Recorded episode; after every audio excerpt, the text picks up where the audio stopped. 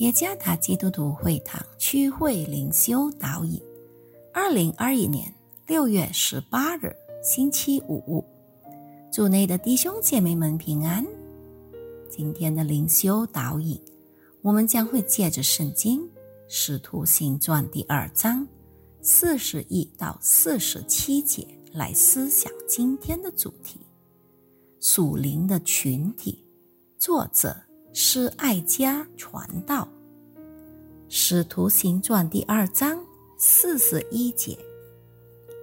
于是领受他话的人就受了洗。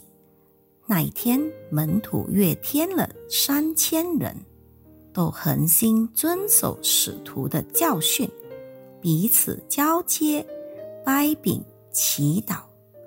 众人都惧怕。使徒又行了许多奇事神迹，信的人都在一处，凡物公用，并且卖了田产、家业，照个人所需用的分给个人。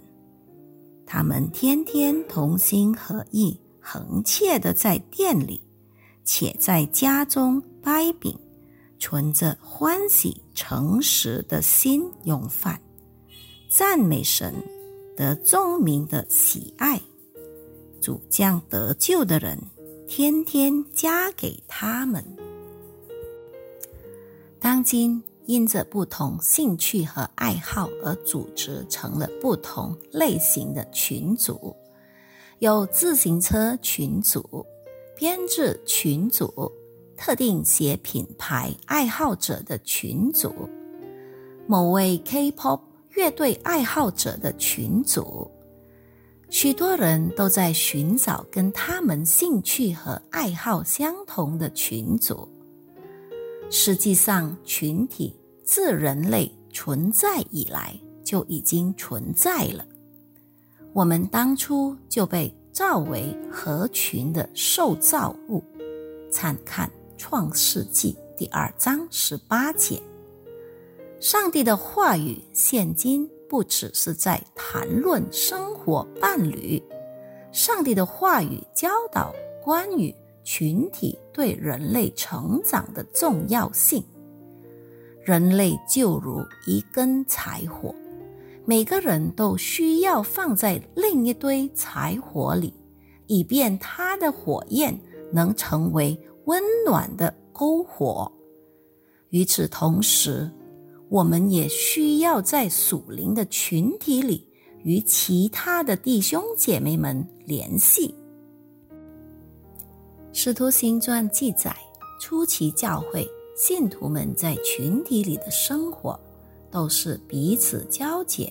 四十二节，初期教会的信徒们相信将会有很多美好的事在群体里发生，例如。他们互相带导，互相支持，互相提醒，以及互相勉励。我们身为基督徒，也需要属灵的群体来协助我们全面的成长。除了能够互相支持，并为我们的信心成长互相带导，我们的性格在群体里被塑造成。越来越成熟，我们也学会了接受差异，平息纷争，不再自私自利，以及承担责任。除此以外，我们能找回以及操练自己的恩赐。实在太可惜，还有许多基督徒还没从群体中得着益处。原因是他们还不愿意加入属灵的群体。确实，属灵的群体不是一群十全十美的基督徒。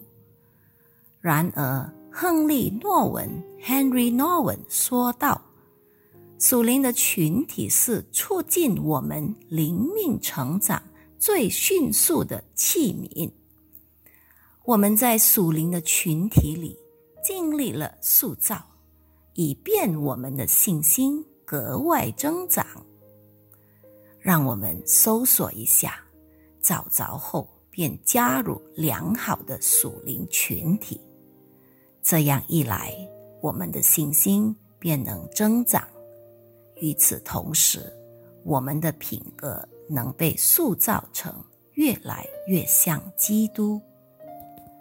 属灵的群体是促进我们灵命成长最迅速的器皿。亨利·诺文 （Henry Norwin），愿上帝赐福大家。